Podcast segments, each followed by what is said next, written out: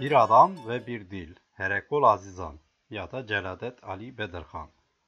Eğer bu meseleyle ilgilenebilecek istekli ve güçlü bir adam bulunabilirse, bu adam dağılmış bir dili toparlayabilir. Hatta ölü bir dili bile diriltebilir. Bu diriltme ile onu insanların günlük yaşantılarında tanıştıkları, kendilerini ifade ettikleri yaşayan dillerin arasına katmış olur. Ölü diller yaşayan diller dedik. Bakınız dilde insanlar diğer canlı varlıklar gibi doğar, yaşar ve ölür. Bazı ölü diller arkalarında hiçbir şey bırakmadan zürriyetsiz ve varisiz olarak yitip gitmiştir. Ne bir mezar taşı ne bir kitabı. Bazı diller de arkalarında bugün bile okunan büyük kitaplar, büyük eserler bırakmıştır. Fakat bu diller de aslen ölüdür. Çünkü artık kimse tarafından konuşulmuyordur.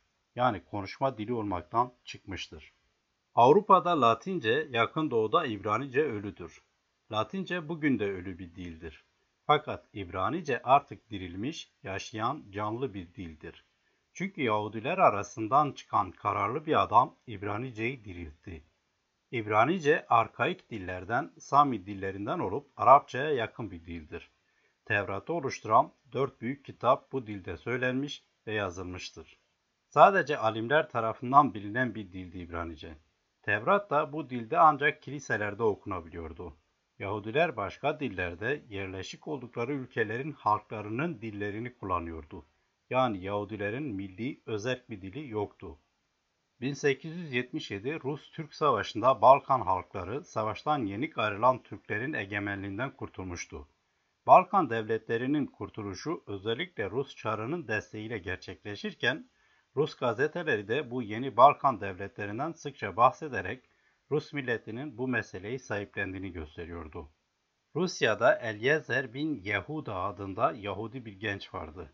Herkes gibi genç Yehuda da bu savaşla ilgileniyor, Sırbistan, Bulgaristan gibi ezilen milletlerin kendilerini ezen zorba devletlerin bağlarından kurtulduklarını ve bağımsızlıklarına ulaştıklarını gözlemliyordu. Bu gelişmelerle Yahuda aydınlanıyor, ulusal benliğinin farkına varıyor ve kendi milletinin, Yahudilerin durumunu düşünmeye başlıyordu. Yahuda kendi milletinin durumunun diğer bütün milletlerden daha kötü olduğunu düşünüyordu. Yahudiler sadece vatansız ve yönetimsiz değildi. Onların aynı zamanda bir dili de yoktu ve başka halkların dillerini konuşuyorlardı. Genç Yahudi kararını verdi ve yüreğinin derinliğinden şöyle söyledi. Yahudilerin kendi atalarının vatanına dönmeleri gerekir. İsrail oğullarının vatanına. Ve yine Yahudilerin diğer halklar gibi bir dili olmalı ve onlar yalnızca o dille konuşmalıdır. Bu dil de ataların dili olan İbranicedir. Yahuda dilini öğrendi ve 1878 yılında Paris'i o misafirperver kenti ziyaret etmeye karar verdi. Eliezer bin Yehuda Paris'te oradaki yerleşik Yahudilerle ilişki kurdu. Eliezer bir taraftan ana dilini geliştirirken diğer yandan da ulusal düşüncelerini yayıyordu. Fakat soydaşları ona karşı çıkıyor ve bu adamın deli olduğunu bile söylüyorlardı. Ancak Yahuda onlara kulak asmayıp bu ideali için büyük ve güçlü bir arzuyla tek başına uğraş veriyordu. Yahuda dilsiz milletinden dil sahibi bir millet yaratmayı kafaya koymuştu. Yahuda tek başına ana dilini İbranice'yi öğrenmişti. Artık İbranice'yi kendi ulusal topluluğu arasında yayma zamanı gelmişti. Çalışmalarının tohumlarını ekebilmesi için ona bir tarla eş gerekiyordu. 1881 yılında Eliezer hocasının kızıyla evlenerek Filistin'in yolunu tuttu. Amacını gerçekleştirebilmek için eline bir kadın, bir hanımın doğurganlığını geçirmişti. Ardından çocuklar gelecekti. Yahuda vapurda yol boyunca Filistin'e varana kadar eşine neler yapmaları gerektiği konusunda uzun boylu bir ders verdi ve eşi bu ders sayesinde bazı İbranice sözleri öğrendi. Atalarının toprağına ayak bastıkları anda Yahuda karısına bundan böyle sadece İbranice konuşacaklarını belirtti. Kadının İbranicesi çok azdı. Kadın ne yapıp ettiyse de kocasını kararından vazgeçiremedi. Yahuda'nın çocuklarının gençlik çağına kadar İbranice dışında başka bir dil bilmediklerini ve halk arasından da dilsiz olarak tanındıklarını söylemeye gerek yok. İşte bu dilsizlik sayesinde Yahudi milleti bir dil, bağımsız bir dil sahibi olabildi. Yahuda ve aile halkı yoksulluk içinde yaşadı. Ama ne gam, büyük fikirler için büyük fedakarlıklar gerekir. Çünkü insanlar bir anda büyük fikirlerin farkına varamaz. Yahuda kuru ekmekle karnını doyuruyordu. Fakat kendi aile fertlerinin İbranice konuştuğunu gördüğü zaman inanın kendini dünyanın en mutlu adamı varsayıyordu. Ardından Yahuda İbranice bir gazete yayınlayıp kendine okur da bulmaya başladı. Bunun dışında Yahudi okullarında da İbranice okutulmaya başlandı. Başka koldan Yahuda kendi milletinin sözlüğünü de yapıyor ve eski ölü dilde var olmayan sözcükleri de kendisi yaratıyordu. Böylece İbranice Yahudiler arasına yayılmaya başladı. 1922 yılında yani Eliezer bin Yahuda'nın öldüğü sene İbranice 30-40 yıl öncesine göre ölü bir dil olmaktan çıkıp bir milletin dili haline gelmişti. Bu dil Filistin'de şu anda Arapça ve İngilizce ile aynı mertebede devletin ve hükümetin de kullandığı resmi bir dildir. Ey Kürtler, işte budur bir adamla bir dilin ve bir adamın arzusunun beraberinde getirdikleri. Bu adamın emek ve başarısında büyük bir öğüt ve ders vardır. Bütün sömürge ve dilsiz milletlerin ya da yazılı dili olmayan milletlerin bu olaydan büyük bir ibret almaları gerekir. Biz bütün Kürtlerin bir dili, değerli bir dili var. Bu dilde konuşuyoruz ve çoğumuzun da bildiği başka bir dil yok. Öyleyse yapmamız gereken tek şey dilimizle okuyup yazmayı öğrenmektir. Bugün ana dilde okuma yazmayı öğrenmek artık her millet için şahsi bir vazife değil, milli bir vazife olmuştur. Bu görev anlayışıyla ayağa kalkmayanlar milli görevlerini yerine getirememiş ve milletleri için faydalı şeyleri yapamamıştır. Bir kişinin kendini bir milletten sayabilmesi için öncelikle o millet için yararlı bir şeyler yapması gerekir. Ne zaman ki biz Kürtler de diğer milletler gibi kendimize has bir alfabe sahibi olabildik, işte o zaman dilimizde okuma ve yazma oranı yükselebildi.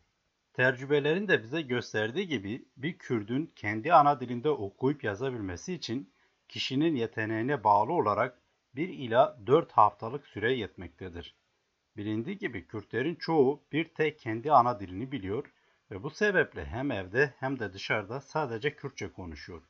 Ancak Kürtlerin arasında ya gurbette doğmuş ya da hala gurbette yaşayan küçük bir azınlık da var. Bu azınlık için gerekli olan şey ise eğer dilini bilmiyorsa öncelikle kendi dilini öğrenmesi, ardından da aile içinde kendi çoluk çocuğuyla Eliezer'in yaptığı gibi sadece Kürtçe konuşmasıdır. Evet bu Kürtler için gerekli olan şey dışarıdan eve geldiği zaman nasıl ki dışarıda giydiği elbiseyi evde üstünden çıkarıyor ve onu evde giydiği elbiseyle değiştiriyorsa dilini aynen öyle değiştirmek, sokak dilini evde kullanmamak ve evin dilini, ana dilini mukaddes bir varlık gibi yüklenmektir.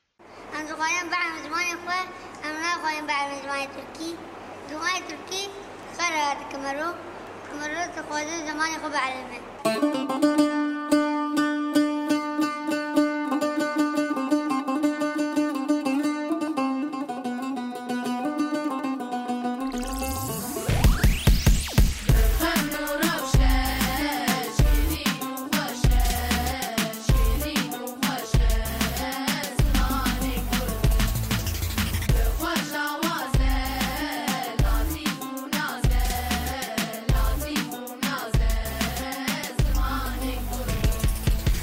ألماني وانجليزي ونبي فرنسي. أم بروردي أخو توازن بزماني. زك ماكي نبي فارسي نبي عربي ونبي تركي. زماني ما زماني كردي بكن زماني كي فرمي. بالفيلي غوراني دملكي سوراني. كرمانجي هر هرم هر دبوك كر زرابيكي. من بيسينن بخوين بفكر بفيفن شل بيويس كيف بكمش بونا ازادي زماني من. زماني ما تبيجن أم هبن يا نبن زماني ما تبيجن تبيجن أم كردن. إيدي بس هودو كارن شاندا ما ينكار بكن إيدي بس تفيا ميدي ليه خودي دركبن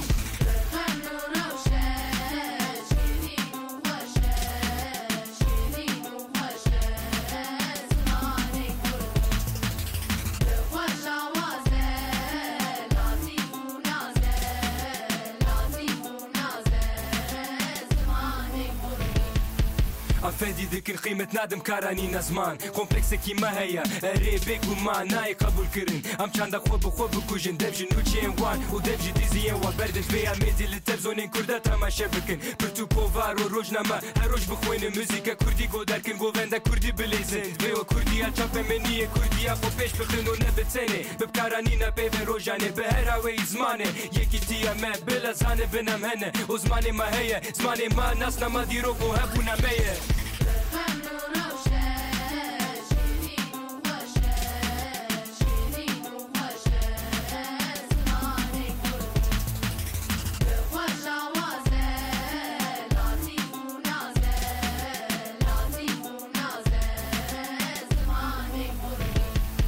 بكردي جمرت قلت نمجي بكردي دبيجن بكردي دبيفن دنگ دكن وزاقفن بكردي خست كن شورت كن وتشتغلن بكردي خبرتن وبكردي دعات كن بكردي صوبت كن شير دكن وسخيف دكن بكردي غازيت كن وداخوياني دن بكردي بست بست كن وكردي دي خيرين بكردي بكردي ام بكردي دسترينن